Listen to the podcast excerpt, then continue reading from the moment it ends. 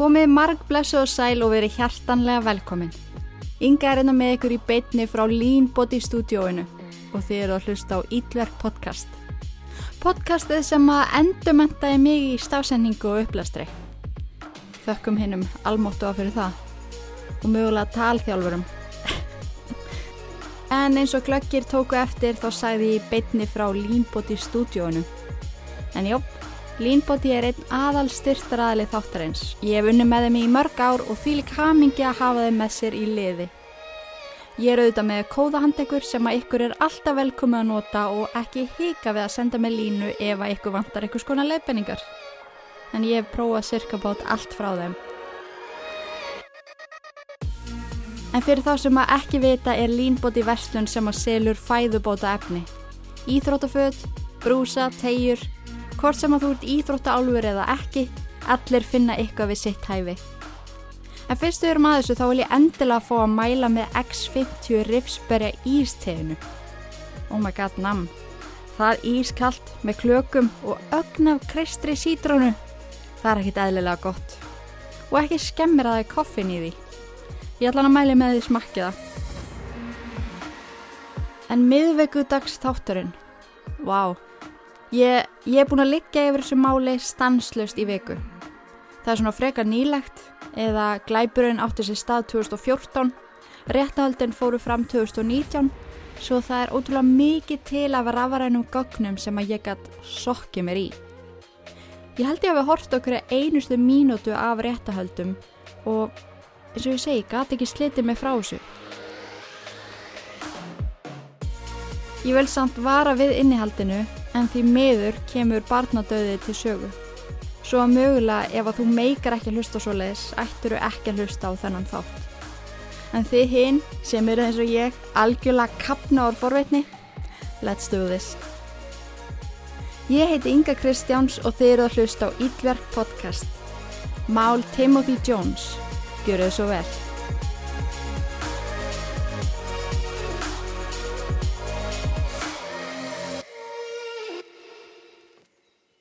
Fymtudagurinn 28. ágúst 2014 var að kvöldi komin. Mikil kyrður ríkti yfir hjólísakverfinu í Lexington í South Carolina. Timothy Jones, sem var einstæður fadir, hafði átt frekar erfitt kvöld með börnunum sínu fimm. En eins og gengur að gerist á stóru heimili, eru læti og æsingur og þráður Timothy var orðin ansi stuttur. Sexar og sónur hans, Nathan, hafi verið sérstaklega erfiður og uppstökkur. Að sögn Timothy. Hann suðaði stanslust um að fara frekar heim til mömmu sinnar, Amber, en þegar Timothy sá hann að það væri ekki í bóði, versnaði hegðun Nathan. Hann fer að fykta í ramagstengli og hlýður ekki þegar pappan segir hann um að hætta, þetta geti verið hættulegt. Það enda með því að tengillin brotnar úr vegnum og það er verðt að taka það fram að þau byggusast í stóru hjólísi og allar ramagsleðslur voru freka viðkvæmar. Þegar tengillin brotnar kemur stór blossi og ramagnir í hjólísinu flögtar. Skiljanlega þá bregður nættan sem að ætla alls ekki að gera þetta og beðu pappa sinn hvað eftir annað afsökunar. Timothy rýfur í hönd svona síns og spyr hann af hverju hann hafi verið að þessu. Akkur hlusta hann ekki? Í gegnum tárin segist Nathan ekki vita það. Timothy spyr hann aftur og hann far alltaf sama svarið. Ég veit það ekki. Í því ringir Amber, móður barnana, en hjónin höfðu skilið rúmum tveim árum áður. Timothy svarar og setur síman á spíkar. Amber heyrir í sinni sinum gráta og spyr hann hvað séla að. Í gegnum grátin sem var þarna orðin meira eins og óstjórnlegur ekki segist hann ekki vita hvað hann gerði vittlust og af hverju hann gerði það. Timothy útskýrir fyrir henni hvað hann hafi gert. Hún heyrir á hann hversu reyður hann var. Þú hefði getað drepið á þessu, öskra Timothy á Nathan. Amber einir að útskýra það fyrir honum að hann væri bara barn. Hann hafi ekkit ætlað að gera þetta. Kanski væri bara best á þessum tímapunkti að taka utanum hann og útskýra fyrir honum rólega að svona megi ekki gera. Þessi óvelkomnu uppeldisráð pyrruðan. Hún var ekki eins og á staðnum. Hvað þóttist hún eiginlega að vera? Timothy skellir á hana og segi Nathan að nú þurfum hann að gera skammaræfingar. Ef hann ætlaði ekki að segja honum af hverju hann gerði þetta og af hverju hann hlustaði ekki, þurfti hann að gera skammaræfingarnar. En það var taktík sem að Timothy notaði mjög reglulega á öll börnin sín. Neitt hann hafði engin sör. Ég veit það ekki pappi, fyrir gefðu. 50 arbegur, 50 nýbegur og 30 sprettir núna. Neitt hann hekaði fyrst. Timothy ítti í hann og sá hann um að byrja. Næsta klukkutíman neytti hann svonsinn í að gera þessar æfingar stanslust. Hann mátti ekki kvíla sig á milli, hann mátti ekki fá vatna að drekka, hann þurfti að gera þessar æfingar þánga til hann segði honum af hverju hann var að fykta í ramagrinu. Þegar maður þekkir ekki forsöguna í þessu máli, velti maður fyrir sér af hverju Timothy var svona umhugað um að fá svör. En fyrir honum var þetta ekki bara prakkarastrygg. Hann var vissum að neyt hann, veri viljandi að vinna gegn honum. Hann var í liði með mömmu sinni og samanætlaðu að ná allri fjölskyldinu upp á móti Timothy, sem segir okkur heilmikið um óheilbriðan hugsunarháttans. Þegar klukkustund var liðin af stanslausum æfingum var Nathan orðin svo uppgefin að hann gati ekki meira. Timothy sá að hann var greinileg ekki að fara að fá neyn svör við spurningunni sinni, svo hann sendi Nathan upp í rúm að sofa. Hann fylgir honum inn í herbyggi og segir Þú ert að sóa tím okkar allra og skellir svo hurðinu á barnaherbygginu. Timothy ákveður að fara út á verund og fá sér síkrettu, aðeins að róa taugarnar. Þegar hann sæki pakkan í gallaböksnavasan, myndan eftir því að hann var í tómur, síðasta síkrettan var reykt eftir kvöldmatinn. Hann ákveður því að fara út í sjóppu og vestla sér síkrettur. Það væri líka gott að komast aðeins frá heimilinu.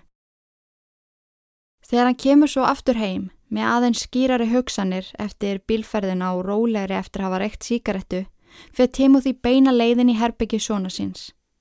Hann sest á rúmstokkin og ítir í hann. Neitt, hann svarar ekki. Hann var kaldur en á sama tíma þvalur viðkomu. Timothy hristir hann. Halló, ég er að tala við þig. Ekkert svar. Engin viðbrögð. Hann snýr þá seni sínu við sem að hafði snúið sér að vegnum.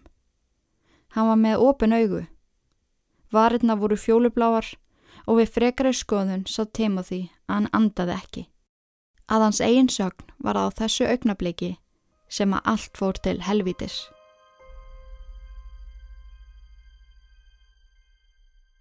Timothy vissi strax að hann ætlaði ekki að ringja á lauruglun eða sjúkrabíl. Hvernig ætti hann svo sem að útskýra hvað gerðist? Það erði alltaf kentonum um dauða neitann. Hann færi í fangelsi þar sem eftir er og Amber fengi forræði við börnunum fjórum sem voru enn á lífi. Það mátt ekkit gerast. Hann varð að finna aðra leið. Í því kemur elsta dóttir Tim, Míra, inn í barnaherbyggi hún sér að það er augljóslega eitthvað að. Í því tekur Tim og því ákverðun. Þau verða öll að deyja. Áður en Míra næra að spyrja pappa sinn hvað sé að neytan, tekur hann þett um hálsin áni. Hann kreisti svo fast að hann fór að svitna og tetra. Þegar líflaus mýra reynur í golfið, gengur Timothy rakleið sinn í stofu þar sem að restina börnunum sátu og horðu á sjóarpið. Hann kirkir hvert barni á fætur öðru. Þau þurfa að horfa upp á sískinni sín deyja. Vitandi það að þeirra byðu sömu örlug. Elias, síðasta barni sem var eftir á lífi, segi við pappa sinn Dad, take me with you. I love you. Timothy segir setna meira að hann hafði ekki alveg skilið hvað hann átti við. En þegar hann hugsa nánar út í það var hann sennilega að byggja hann um að hlýfa lífi sinu og taka með sér á lífi, hvert sem hann ætlaði eftir þetta allt saman. En hann gæti ekki skilið eitt barna eftir. Elias þurfti líka að fara. Timothy stendur í smá stundu og hugsar. Hvað í fjandanum er ég búin að gera? Hann á aldrei eftir að komast upp með þetta. Það væri bara tímaspursmál hvenar hann færi í fangelsi fyrir að hafa myrt öll börnin sín. En hann gæti anþá keift smá tíma.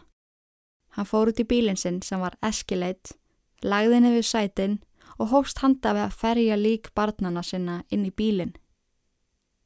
Í því ringir Amber, eins og hún hafi fundi á sér að væri eitthvað að. Timothy svarar ekki. Hann sesti í bílstjórasætið ræsir vélina og keirir af stað. Hann var ekki vissum hvert hann ætlaði að fara eða hvað hann ætlaði að gera, en hann vissi samt að hann yrði að kaupa smá tíma. Hann hunsar tvö símtöl í viðbót frá Amber. Í þriðjasinn svarar hann. Hún spyr hann út í börnin og hvort að neitt hans sé búin að jafna sig. Hún segir honum einni að það sé ósangjant að hann skelli svona á hana. Hún hegi fullan rétt á því að ræða við börnin þegar þau eru leiðið að í eitthvað skonur uppnámi. Hún megi líka hafa sínar skoðanir þegar kemur á uppeldinu. Ef hún hefði upplifað það sama, hefði hún alltaf ringt í Timothy og beðan um að aðstofa sig. Þau væri saman í þessu þótt að þau væri ekki gift lengur. Timothy hlustar á hún í smá stund án þess að segja nokkuð. Á endanum segja hann svo Shut the fuck up og skellir á hana.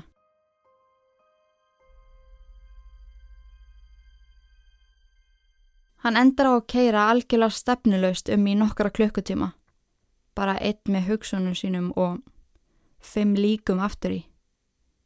Sjálfur segir hann rattir í höfðinu sannfarum að þetta hafi verið að eina í stöðinni.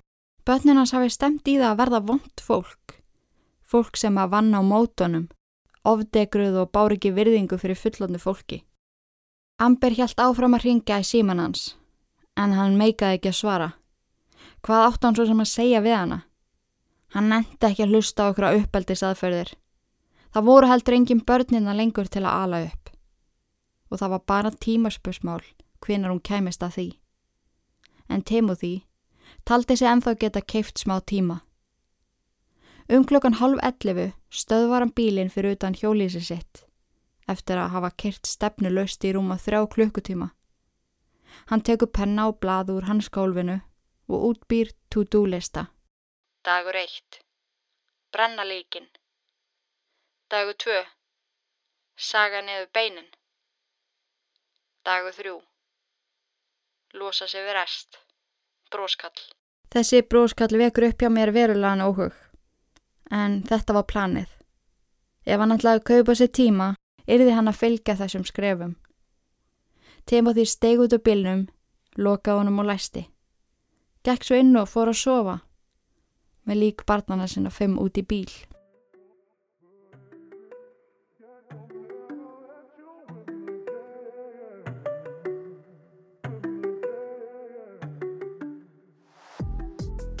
Heyriði, þar sem að næstu partur málsins er ekki það að það sé ekki búið að vera fakt að pinga til en það sem ég er að fara að segja ykkur næst er já, maður er svona frekar orðlaus yfir þessu öllu saman en tökum okkur örstuta pásu og heyrum nokkur orð frá styrtaræðilega þáttarins.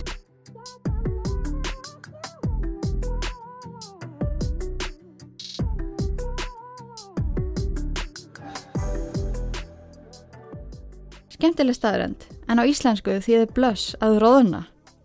Og það góða við verslundblöss.is er að þú þarft ekki það róðuna. Ára það sjáu þig hvernig ég leik með með orðin þarna.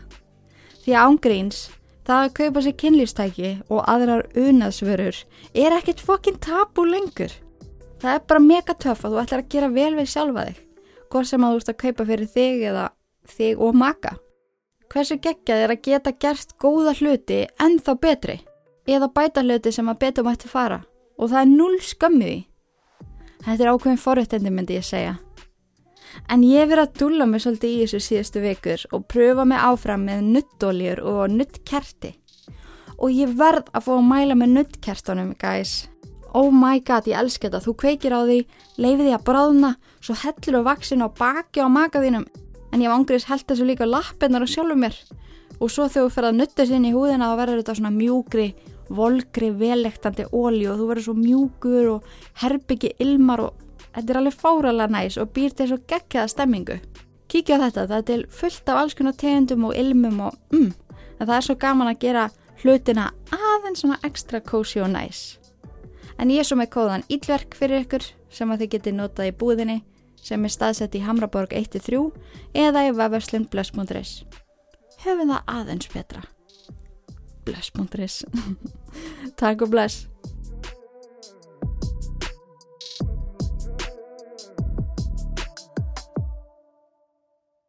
Velkomin til baka. Herriði, þegar ég skildi við ykkur fyrir auðlýsingalli þá var Timothy bara farin að sofa og börnin hans öll dáin út í bíl. En daginn eftir förstu daginn 29. ágúst, þá vaknar hann um sexleitið. Líkin eru ennþátt í bíl og það er farið að byrsta til og hann býður eftir því að skóli og leikskóli barnan á opni til þess að láta vita af því að ekkert er að komi þann daginn. Hann sest út í bíl og keirir af stað. Stoppar mjög fljótlega á bensinstöð, eftir það stoppar hann í maturaverslun, fær sér samlóku, þar hittir hann félagsinn á bílaplaninu, spjalla við hann heil lengi og hann einhvern veginn lætur eins og ekkert sé og þegar fyrir að líða á daginn er ansið auðlust að það verður ekkit úr planinan sem hann var búin að skrifa niður þetta kvöldi áður. En ég meina, kannski fjekk hann sig ekki til að brenna lík barnana sinna. Það má vel vera. Fólk bregst vissulega mismunandi við. En, ok, við gefum honum alveg að þetta geti tekið einn dag að peppa sig upp í að losa sig við lík barnana sinna sem er bara skrítið að segja. En þetta gengur svona í heila viku. Það er ekki fyrir ná fymtudeginum, sléttri viku eftir að myrti börni sín sem hann ákveður að hann verði að gera eitthvað. Því skiljanlega var lyktin í bílnum orðin óbærileg. Hann keirir þá í Dollar General Store og vestlar svarta ruslaboka. Líkin enn í bílnum.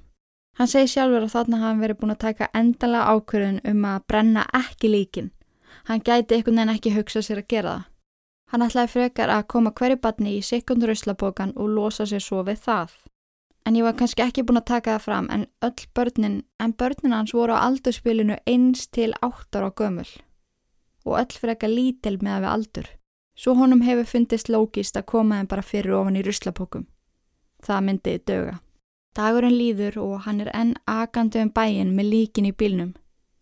Hann stoppar hjá dópsala sem hann fer reglulega til og vestla sér fíknefni sem kallar Scooby Snacks sem er eitthvað skonar söllt svona meða við það sem ég las ef þið viti meira þá með ég endilega benda mér á það og eftir það heldur hann áfram að keira undir áhrifum í algjöru reyðileysi.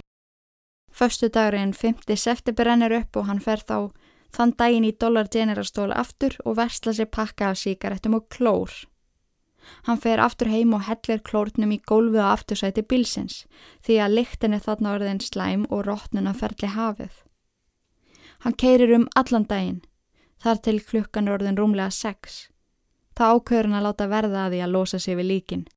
Hann keirir út á bænum og til þess að vita sirka hvar hann ætlar að losa sig við þau, keirir hann upp á skildi sem að síndi sérst bæjarheiti heimilana í kring. En þarna er hann komin út í litla sveit og langt á milli húsana.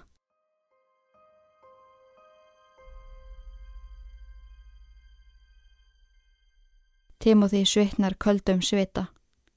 Shit. Hann var búin að festa bílinn í drullu. Sama hvað hann spólaði, bakkaði, keirði rólega fram, fór út að íta, þá náði hann ekki að losa sem að endaði með því að hann þurfti að ringja á dráttabíl. Á meðan hann beigð eftir dráttabílnum sér hann lauruglubíl nálgast. Hann hugsa með sér að nú setja búið. Þau munu kíkja inn í bílinn og sjá krakkana. Timothy stýgur út úr bílnum og gengur í átta lauruglubílnum sem að stöðvar og skrúa niður rúðuna. Inn í bílnum eru tveir lauruglu þjónar. Söðust vera aðtóð með úlingadrykju á einum sveitabænum sem að hafi verið tilkynnt fyrir um kvöldið. Þeir spurðan svo í kjölfarið hvort það væri ekki allt í góðu með hann. Timothy svarar. Jú, allt í fína. Ég var bara að reyna að lesa á skilti en það án þess að þurfa að fara út úr bílnum. Maður er svo latur. Ég fór aðeins svo langt með framdekkin og festi mig, en það er bíl á leðinni aðstofa mig. Þeir eru bara rétt og komnir. Lauruglumenninni kvöttan, söðust vona kvöldið hans er þið gott og Honin gengi vel með bílinn og okkur svo í burtu í leita úlengadrykkjunni. Dráttabílinn kemur svo loksins og losar bílinnans. Maðurinn sem var kerðið dráttabílinn gengur mér að segja mjög nálagt bílinnum og hefur orðaði setna mér hvað hann fann vonda leikt.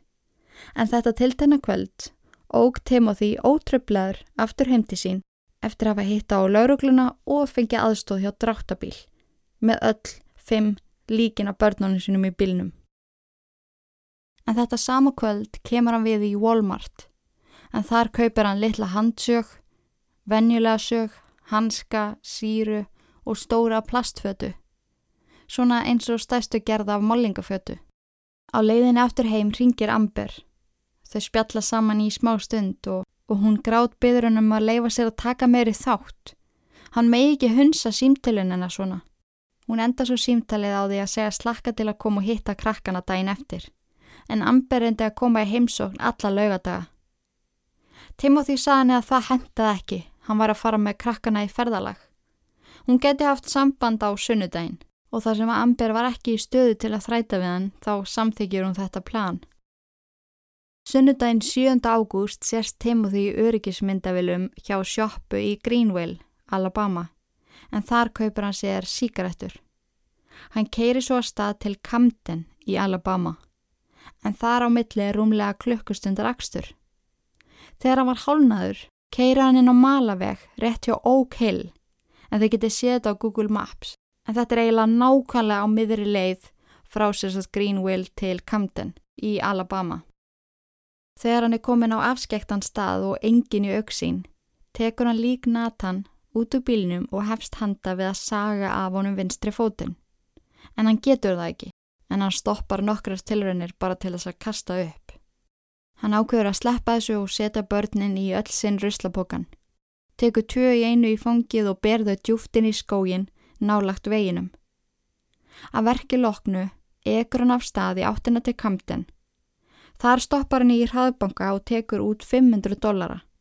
En planið hans var að keira til Las Vegas sem er umlega 28 klukkustunda ferð.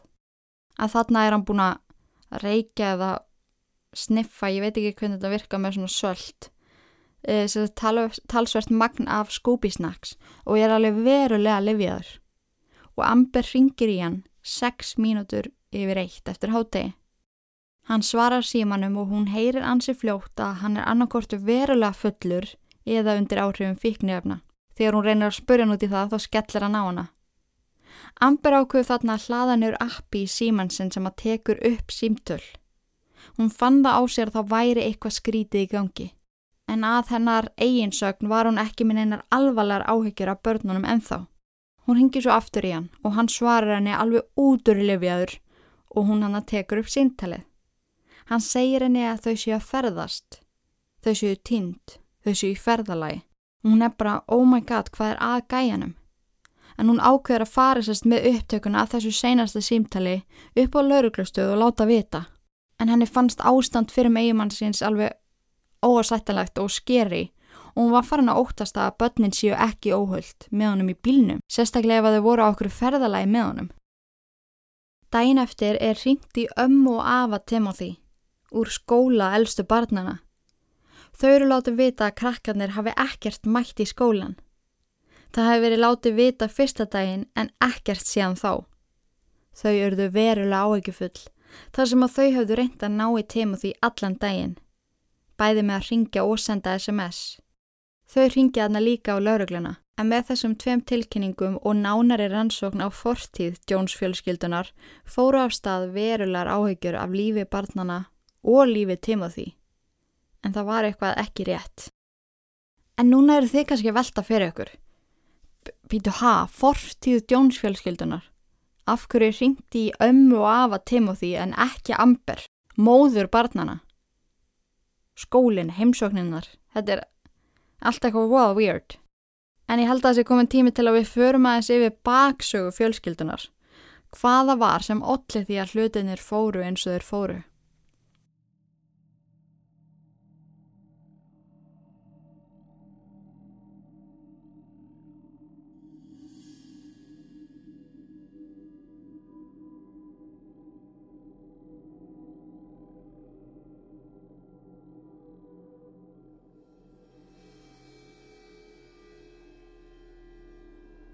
Þar sem að þetta er freka nýlegt mál, þannig séð, þá get ég ekki farið út í mikil smáadreið þegar að kemur að æsku Timothy Johnson eins og mér er alltaf gott að gera þegar ég fer yfir eitthvað svona mál.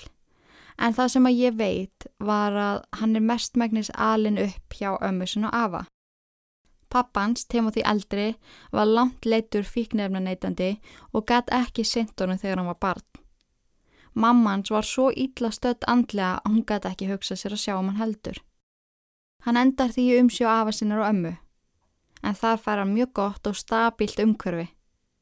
Pappi hans, sem er sonur ömmans og afa, er mikið að koma og fara út úr lífans.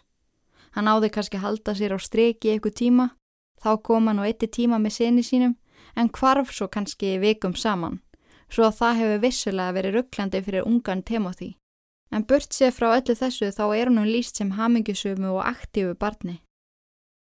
Á úlingsárum fer hann að fykta mikið með fíknefni og um 17 ára aldur notaðist hann við kókainar dælega.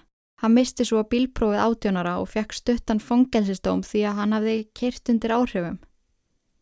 Árið setna tók hann þátt í mörgum innbrotum og fekk fyrir það 7 ára dóm en þurfti bara að setja af sér eitt ár. Hann kynntist svo henni 18 ára gamlu Amber Kaiser í sömavinu sem að þau unnu bæði í. Allir sem á þekkjaðu segja að Timothy hafi orðið betri maður eftir hann kynntist Amber. Hann let verðaði að fara í læknanám, sótti reglulega kirkju og var alltaf jákvæður og markmið að sinnaður. Hugafar Timothy var það fyrsta sem að hyllaði Amber. Hún segi sjálfa að hún hafi aldrei kynst manni eins og Timothy. Þegar þau voru búin að vera saman í sex vekur, giftuðu sig.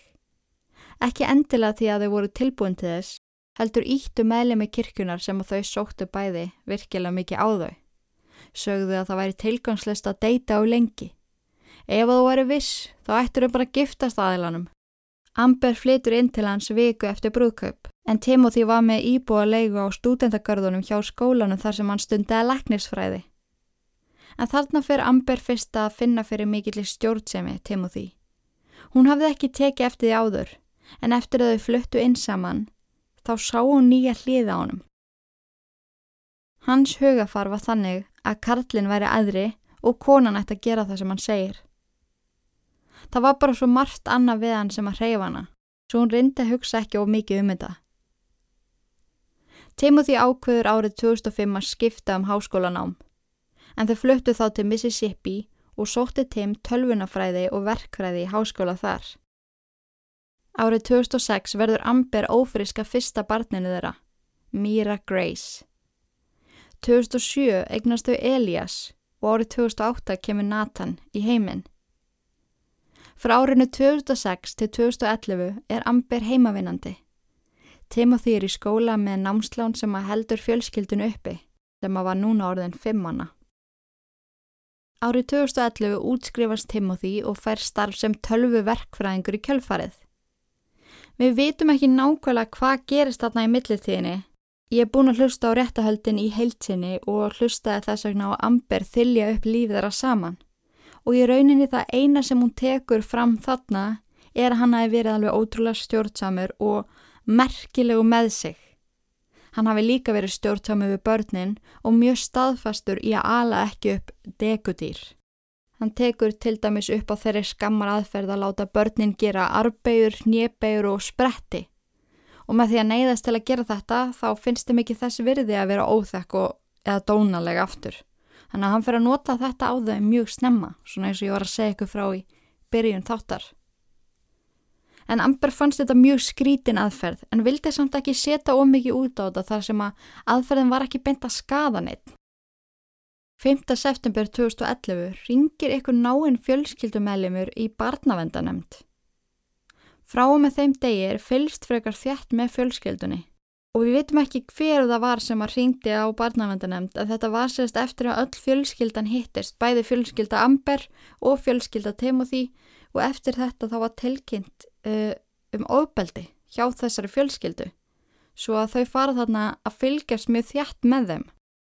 En ég skoðaði punktana frá barnavendanemnd en þeir voru gerðir óbjörnberi við réttahöld og það er aðalega verið að kvarta yfir drastli í þessum punktum. En 28. oktober 2011 er kallað út lauruglu eftir að tema því ógnar barnavenda starfsmanni en starfsmanninum hafði fundist það mikil óreða á heimilinu að börnin gátt ekki verið aðna. Eftir afskipti lauruglu þurfti fjölskeldan að bóka hótelherbyggi og börnin máttu ekki fara afturinn á heimilið fyrir en listin yfir hluti sem þú þurfti að þrýfa og laga er þið kláraður. Fjörðabarnið er að Gabriel kemur svo í heiminn í byrjun 2012. Í februar 2012 sækir Amber um skilnað eftir að Timothy beitir hann að bæði líkamlegu og harkalegu andlegu ofbeldi. Þegar barnavendanemnd heimsækir börnin næst búa þau með Amber sem að segir frá kærunu sem að hún hafi lagt fram og hún og Timothy sé að skilja. Starfsmæður mæli með því að hún fari í kvenna atkvarfið upp á öryggi en Amber neytar að gera það. Hún kemst fljótlega eftir þetta að því að hún sé ófrisk í fymta sinn. Timothy heldur fram að hann eigi ekki þetta barn því hann hafi komið að henni með 19 ára gamlum nágranna þeirra í rúminu. Amber þver neytaði fyrir það en samþekti fadernispróf þegar yngsta barnið að koma í heiminn. Eftir allt saman var þetta barnið hans Timothy. Á meðan Amber fótaði sig eftir skilnaðin tók Timothy þrjú eldstu börnin heim til ömmu sinur og afa. En þarna teku við ótrúlega erfiðu tími. Þrjú eldstu börnin elska að vera með langömmu sinni og langafa en hvarta stanslust í mömmu sinni yfir hínum ymsu skammaræfingum sem að pappið þeirra er að láta þau gera. Amber reynir eins og hún getur að hafa eitthvað um uppeldið að segja, en í hver skipti sem hún ringir, sendir meil eða SMS, reytir Timothy í hana. Hún fer að átta sig á því hægt og rólega hversu ótrúlega kúið hún var allt hjónabandið. Í byrjun 2014 er staða Amber ekki nógu góð. Hún á erfitt með að finna sér húsnaði, á ekki bíl og fyrirtæki sem hún vann hjá hafði lokað. Hún samþekti því að börnin yrði á pappa sínum í svolítinn tíma. Rétt á meðan hún fyndi út úr sínu málum. Líka þar sem að Timothy gætt bóði þeim upp á örugt heimili, kyrtu í og úr skóla og séð fyrir þeim fjárhagslega. Samkomilagið var að hún kæmi alltaf í heimsókn á laugatöfum og fengi að heyra í börnunum símleiðis klukkan 7 öll kvöld. Hún þurfti einni að borga 500 dólar á mánuði, auk þess að aðstofa með hinn ímsu útgjöld, sem hún stóð alltaf við. 5. mæi 2014 er aftur heyrt í barnavendanemnd og láti vita um ofbeldi á heimili djómsfjölskyldunar og það er ekki gefið upp hverða var, bara eins og í fyrraskiptið. Börnin segja starfsmanninum að pappið láta þau gera langar og erfiðar æfingar ef að þau eru óþökk. En börnin virðast samt ekki hrætt eða leið voru vel til höfð og snirtileg. Dæin eftir eða 7. mæ 2014 fer barnavendarstarfsmaður í óvænta heimsókn í skóla barnana. Kanski mynduðu segja frá ykkur sem að þeim lág á hjarta ef að pappið þeirra væri ekki nálegur, en allt virtist í góðu lægi. 12. mæi 2014 fer Amber í heimsókn. Hún segi Timothy að staðanar sé mun betri og hún geti loksins tekið börnin aftur allavegna þessi þrjú yngstu. Hann þver teku fyrir það og Amber er nánast rekin út af heimilinu. Þegar skilnaður Amber og Timothy gengur í gegn hafði Timothy logið til um ástæðu þess að þau var að skilja. Hann sagði dómara að hann hefði gengið inn á hann að sofa hjá yngri manni. Hún let ekki sjá sér mánuðum saman og það eina sem hún gerði var að rétta fram peninga. Timothy sagði dómara einni að hann var í mun stöðugur í fjárhagslega Eftir ótrúlega langan og erfiðan dag fyrir framann dómara var Timothy látin hafa fullt forraði yfir öllum börnunum sem er ótrúlega skrítið meða við öll þessi barnavenda mál. 16. júni 2016 ræði barnavenda nefnd við Timothy um þessa æfingarefsingu.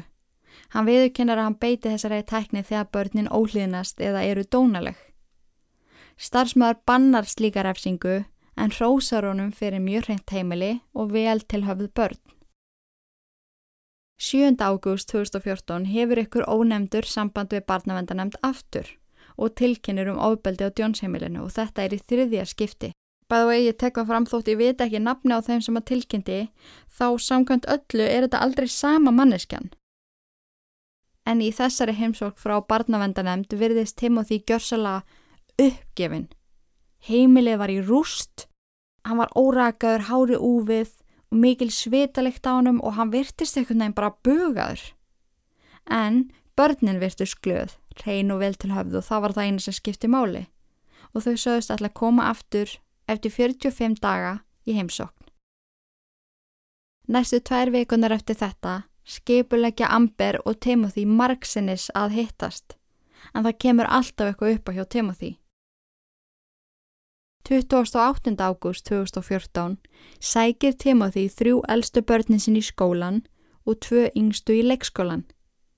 Setna þennan sama dag verður lögregla vittni af mjög undalegu atveiki fyrir utan Walmart. En þar verðist Timothy vera að skamma börnin sín, skipa þeim öllum að fara út úr bylnum og allar að keira í burtu. Og við erum að tala um það að yngsta badni hans er einsás svo að það er réttverða að ganga. Lauruglan kemur og aðtúa málið og Timothy segir að hann hefði bara verið að grínast. Lauruglan fylgist á með honum smala öllum börnunum afturinn í bíl og aka í burstu. Miða við ástandi á Timothy þegar laurugla sá hann fyrir utan Walmart getur maður rétt ímynda sér hvað gekk á restina af deginum. Það var allavega eitthvað sem að fyldi mælinn og var til þess að hann myrti öll börnin sín fimm um kvöldi þennan dag, 28. ágúst 2014. En eins og kemur fram fyrir þættinum hafa bæði Amber og Amma og Afi Timothy samband við lauruglu. Amber hafði heyrt í honum fyrir um daginn og hann virtist virkilega livjaður og átofitt. Og Ammans og Afi hafði fengið símdal frá skólanum um að krakkarnir hefðu ekki mætti nokkra daga og núna skiljiði kannski betur af hverju það var ekki ringt í Amber með það. En börnin eru þarna skráð sem tínd börn. En það var ekki liðið nægilega langu tími til þess að skrá Timothy sem tíndan, því að Amber hafði heyrti honum þennan dag. Almenningur er beðin um að hafa augun opinn og umfangsmikið leita börnunum hefst. Engin vissi að þau hafðu leiði látin í aftursæti bifrið föðursins í rúma eina og halva viku. 7. september 2014 stoppa lauruglan Timothy við vegatalma í Smith County en eins og við vitum var hann á leið til Las Vegas. Hann var handtekinn fyrir að aga undir áhrifum fíknefna en þegar lauruglan stoppar hann er hann gjörsanlega út úr heiminum. Timothy er látið hann sofa úr sér výmuna í fangaklefa. Á meðan er leitað hátt og látt í bílnum hans. Í honum finnst mikið blóð og þrefurur auk þess að finnst resa klórblettur yfir öllu gólfinu aftur í bylnum. En við vitum núna að hann notaði klór til þess að bæla niður lyktina af rótnandi holdi barna sinna. 8. september 2014 er Timothy tilkynnt að hafinn sé umfangsmikið leit af börnunum hans. Hann verði í haldi á meðan leitstendur yfir. Ef það er eitthvað sem hann getur upplýst til að aðstofi leitina, verði hann að gera það núna en á þessum tímapunkti er lauruglu farið að gruna að eitthvað glæpsanlegt hafi komið fyrir. 9. september 2014 er Timothy yfirherður. Í þessari yfirherslu koma fram svo trublandi atriði. Burt sér frá því hvað hann gerði við börni sín, þá er ansi augljóst hversu fárula brenglaður maðurinn var. Hann grætur þegar honum finnst það eiga við, en er svo fljótur að skipta yfir og svara aðlilega en ég klifti þennan klukkutíma af yfirherslu niður í rúmar 12 mínútur svo það mikilvægast að kemur fram. Við skulum hlusta á saman og ég ætla að stoppa henn á milli til að benda ykkur hluti sem að já við. Og ég vil líka vara við lýsingunum í þessari klippu. Ef þið vilja ekki heyra hana þá getið skipa yfir um svona 12 mínútur cirka. We talked about when you picked your children up Thursday, which would have been August 28th. You picked them up from school that day. and something happened that night. Yes, sir. All right, can can you walk us through what happened?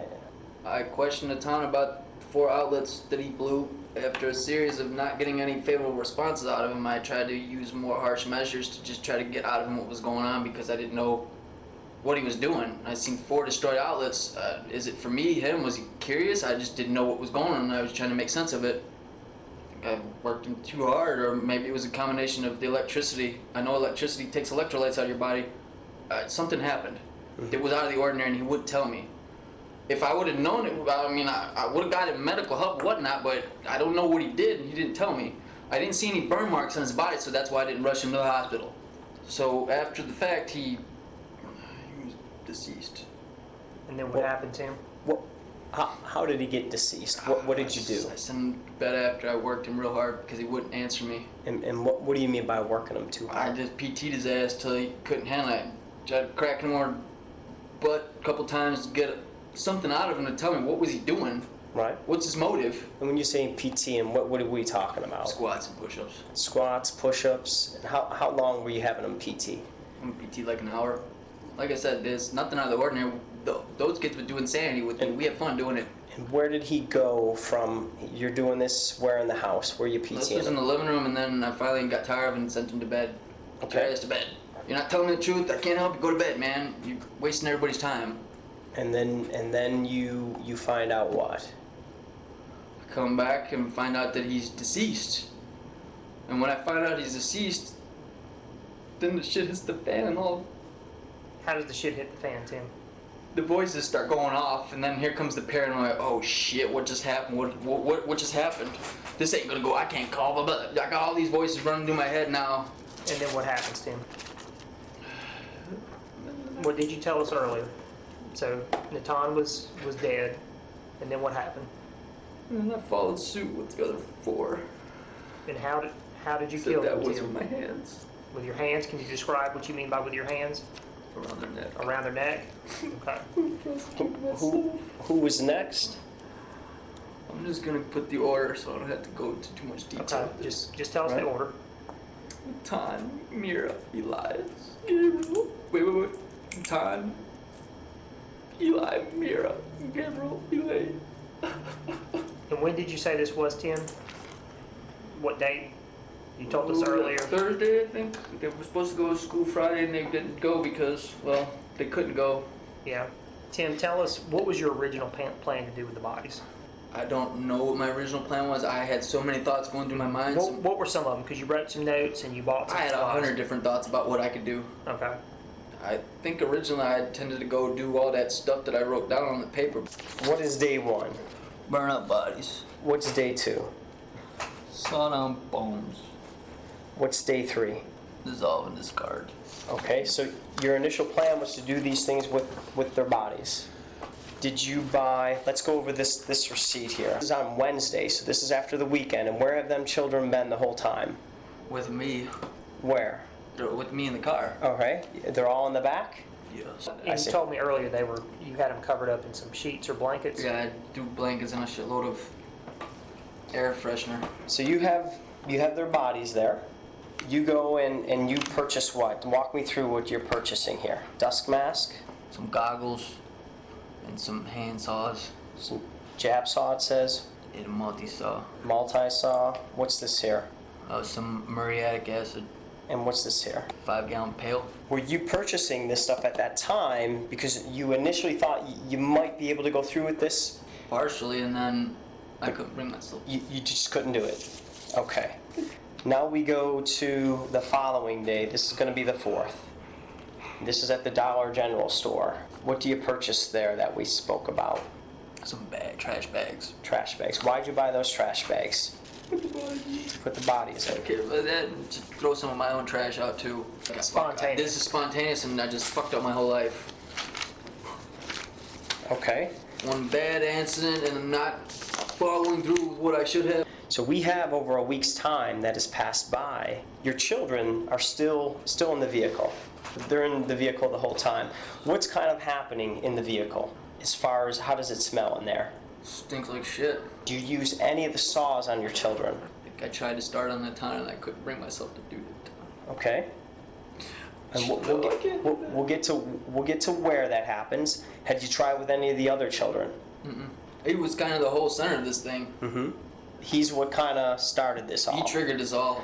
if, if he would have told you what happened to the outlets that night, I would have gotten. I would have went and acted appropriately to try to help him. no, none of this would have happened. I think he didn't tell me because I think it was intended for me. Nei sko ég get ekki þennan part þegar hann segir að Nathan hafi verið í rauninni það sem að tryggar að þetta allt saman. Ef að hann hefði ekki hagað sér svona þá hefði þetta ekki farið svona. Þú veist ef hann hefði bara sagt honum af hverju hann var að fykta í rafmaksköplanum þá hefði hann reynda aðstóðan og, og það hann ákveði að byrja á því að skera hann niður að því að það var hann sem að byrja þetta allt saman það fokka mér upp. Describe to me what you were telling me earlier about where you disposed of your children at. They're in some wooded road log truck looking thing off on the side. You, you do what once you, once you get to this location? Tell us about Natan. Does this happen there, or this happen in a separate place where you? Well, you said you took- started to cut them. You oh, started. This happened there. Wh- Where where did it happen? In the vehicle, outside of the vehicle? Outside the vehicle. And what do you do? I began to try to saw a leg and I couldn't bring myself to finish it. Oh, I can't do that. How, how far did you get? Maybe about that far, and I was like, I can't do that. I can't do that to him. Okay. So you, you did not cut his leg off. No. What what did you do with his body? I just put him in a bag and said, I gotta sit you guys over there. I said a prayer for him and walked away. Okay. Did you place each child in, in a separate bag? And then did you walk them a couple at a time or one at a time? A couple of times. couple at a time? Uh, just however many trips it took to get five of them over there. The next question, so we can get through these. Have you ever been told that you had a mental illness? I've had, oh yeah, you're fucking nuts, dude. My nickname in high school was the crazy white guy. Crazy white guy? I'm not joking, yeah, that was my nickname. Have you ever had any treatment or have you ever been hospitalized for any of these issues? No, I fought it. You fought it? Okay. I tried to. Have you, have you ever had a diagnosis? No, No? Do you think you have a mental illness? I think something's not right. I don't know what it, I think I may have some, not a, some. Okay. If I'm anything like my mom, yeah, I've got lots. I got you. You say you're not suicidal at all.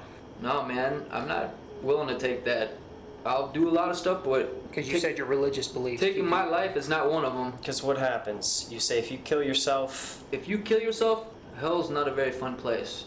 I don't think it plans on freezing over anytime soon. I don't want to go there. a couple things I did want to go through with you before. We had talked about when this happened, the children, when this happened in the living room, you were saying the bodies were, were on the ground. Yes. And the other kids, did they know what was coming? I don't know. I mean, they maybe they supposed. I, I have no clue. Mhm. I wasn't exactly in a state of mind watching. Hey, is he? Does he care? No. Right? Did they put up a fight? Well, I mean, what normal human's not? Okay, and I, I, I understand you're trying to tell me they did. And what do you mean by that, though? They just they didn't want to go. What do you mean? They didn't want their lives taken. Why didn't you get help? Before all this, you, you told us you had thoughts about this. Why didn't you get help? Just put it off, thinking I'll do it tomorrow. I'll get help later. Why I'll not give it. the children to your father? I didn't think that way. How about to their mother? She didn't want them. She said that they couldn't come with her if they had asked. But Tim, why why after things happened with Natan, you're telling us that that was not done intentionally? No, that was not done intentionally. The other four well, it was done are- intentionally in the sense that I was trying to just get answers out of him. Okay. wasn't I didn't go and intentionally just go hurt him. Why why not after you had plenty of time? You have over a week's time where those those children, the bodies now, Because at that point, with you. sir, because at that point I'm not thinking anything but I'm screwed. What you're telling us here today is this the truth? Yes. the evidence that we're going to see, whether it's the autopsies or when, when we, we find the bodies, is it going to support what you're telling us here today? Yes, barring that I don't know what else you may see, poke, stab, Sure. thrown in the car. But, but, I mean, I, they may have some crush, something in there. You're gonna find a mark on Natan's leg. Okay. And- we, we did talk about, um, the sheriff had told you about a part of a scalp in the car. I don't know exactly how that came about. It may be just thrash of me putting bodies in there. Okay. I don't And- know where that came from. I had asked you if there would be any broken bones and, and um, You might find some now. I don't know as far as. So I mean, I did, did that happen before they died? no. Okay. I, With- breaking bones wasn't a way to me to. I mean, I wasn't using them at that point. I wasn't thinking at that point. Let me break bones to get what I'm going to do done. And no, I was thinking, let me go get this done and get out of here. But after everything we've gone over, what is it you'd like to say about, about your actions? God, I'm sorry. Children, I love you. I hope I see you again someday if I'm worthy to. I'm sorry. All right, and you're, you're willing to go with us tomorrow? I'm willing if, to, but I we don't want know to try where. to locate. I don't know where to look. I mean, I, I know the general city. I don't know exactly where. I'm willing to try. So I'm telling you, I can't. I I drove around with the intention that I wasn't ever gonna have to go back there and look because I was so ashamed of what I'd done. I'll try. I don't know if I'm gonna help you. I'll try though. I surely will because they need a burial. En ok, næsti partur, ég varð að taka þetta með því að takið eftir því hversu ótrúlega sorgmætur hann hljómar. Hann virkar ángríns einlegur hann í smá stund þegar hann segist alltaf að gera hvað sem hann getur til þess að hjálpa þeim að finna líkin. Hann mun ekki nákvæmlega hvar þau eru því hann ætlaði sér aldrei að fara þánga aftur en lofaði að gera allt sem hann getur til þess að hjálpa. Ángríns, þrem sekundum setna er hann spurður að þessu. Right, Tim. I just got I just got a couple of just follow up questions here. Um, you mentioned the police officers you spoke with last night. They could have done things a little differently when they spoke to you. Can you just tell us from your experience what you think they could have done better Okay, or so worse than what they did? if, if I'm being recorded, can let me say this much. Hann hafði sérst kvarta yfir því hvernig það var komið fram við hann í fangelsinu daginn áður og þið heyri hvernig röddina snar breytist um leið og samtalið snýst yfir á hans þarfir. Let me share my experience with. So I've done time before. Okay. I've been put up there in the rubber room, no clothes, no mattress, no nothing for th- the whole time. I asked him for a blanket just to cover up because they cut the shower off of me. I was using that to keep warm. Yeah. I feel that they could have gave me clothes. I said, give me at least something. So there's, I don't want to sound like I'm being nitpicky. I mean, I'm Yeah. not the person to be nitpicky, but there's metal that's rusting. And I told them, guys, that produces tetanus. I don't want to get tetanus, and they don't care. Yeah. said, if I lay on that, and you can see the paint was, yeah, look. So there's the paint from the. That's just one. If I pull the shirt off, you're probably gonna find pieces on my back. Yeah. Yeah, I see Yeah. it. That's the paint. Well, there's also rusted metal, and I'm afraid I'm gonna get tetanus, but they won't give me a, any blanket or any mattress. Ángríns, hverjum er ekki drullu sama þóttir fá ekki óskum sínum uppfyllt í fangelsi eftir að hafa myrt öll börni sín? Hvernig getur hann farið úr sorgmæta, grátandi pappanin sem að snappaði, hlusta okkur að rattir í höfðinu og bugaðist yfir að vera fangi sem kvartar yfir því að það, hann fá ekki það sem hann vantar? Í alvörni sko. Sama á við um réttahaldin sjálf, en ef þið hafið áhugaði að skoða meira um þetta mál, þá eru réttahaldin í heilsinni á YouTube. Gæin fyrir að gráta í hvert sinn sem að það hendar honum og svo bara kvissbang. Hættar hann að gráta og byrjar að fylgjast með því sem er að gerast í réttasal. En daginn eftir þessa yfirherslu fer hann ásand láreglu og hrúa af svörtum ruslapókum finnst djúftin í skóginum. Eitt póki, eitt barn og fimm í heldina.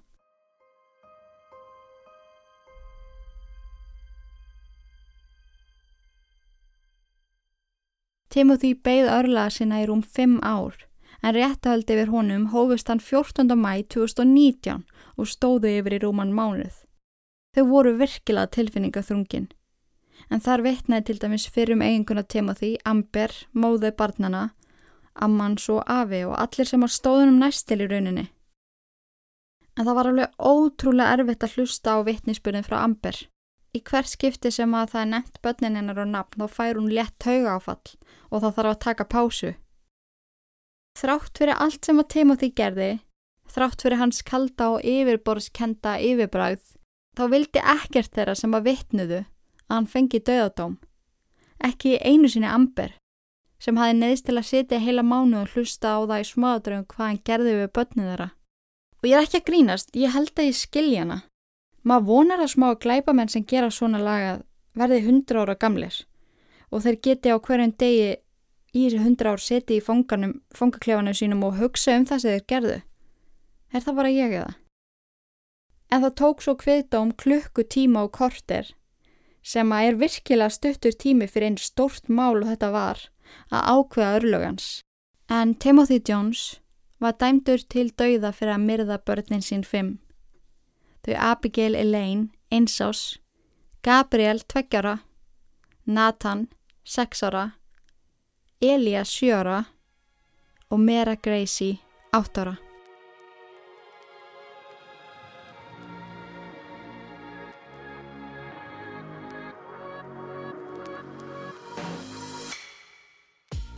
Jæja, þá er þetta komið hjá okkur þennan miðugudaginn. En heyriði, ég, ég meika ekki að senda ykkur áfram inn í daginn, geðað meður ykkar út af þessum tilfinningu þrungna þætti. Hann var, hann var alveg hefi, ég veit það. En hvernig væri að ég myndi hendi ykkur tveim hefi skemmtilegum fréttum?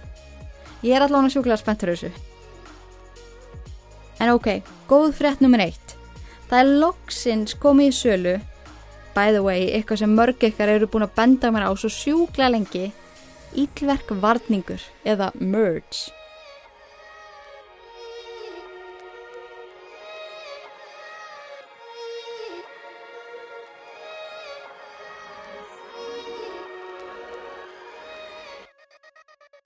Yey! Núna getið þið verslað ykkur ítlverk peysur og ég er svo ána með lukkið á þeim.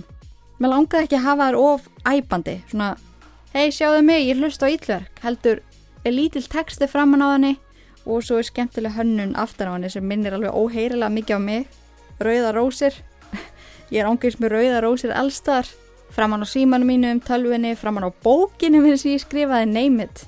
En þið getur kíkt á Ítlerk Facebook-hópin til að sjá myndir að þeim og Instagram reynda líka. En peysurnar eru á forsölu verði núna á 8.990 krónur og þessar tildæknu peysur koma bara einu sinni. En ég ætla að hafa svona massa rótring á þessu svo að það koma aldrei eins peysur. Þannig að þetta er í rauninni svona sapgreipur. Þannig endilega næli ykkur í eitt stykki, taki myndir af ykkur í peysinu og sendi mér. Það væri, það væri geggjað. Ánægileg frétt nummið tvö. Annar hlutur sem að mörg ykkar hafi bent mér á mjög lengi en fyrstu daginn 29. janúar klukkan 8 verður live Facebook Ítlverk pub quiz. Þetta, þetta verður eitthvað. Svona trúkræm spurningar en áskrifendur af Ítlverk podcast fá þetta frítt.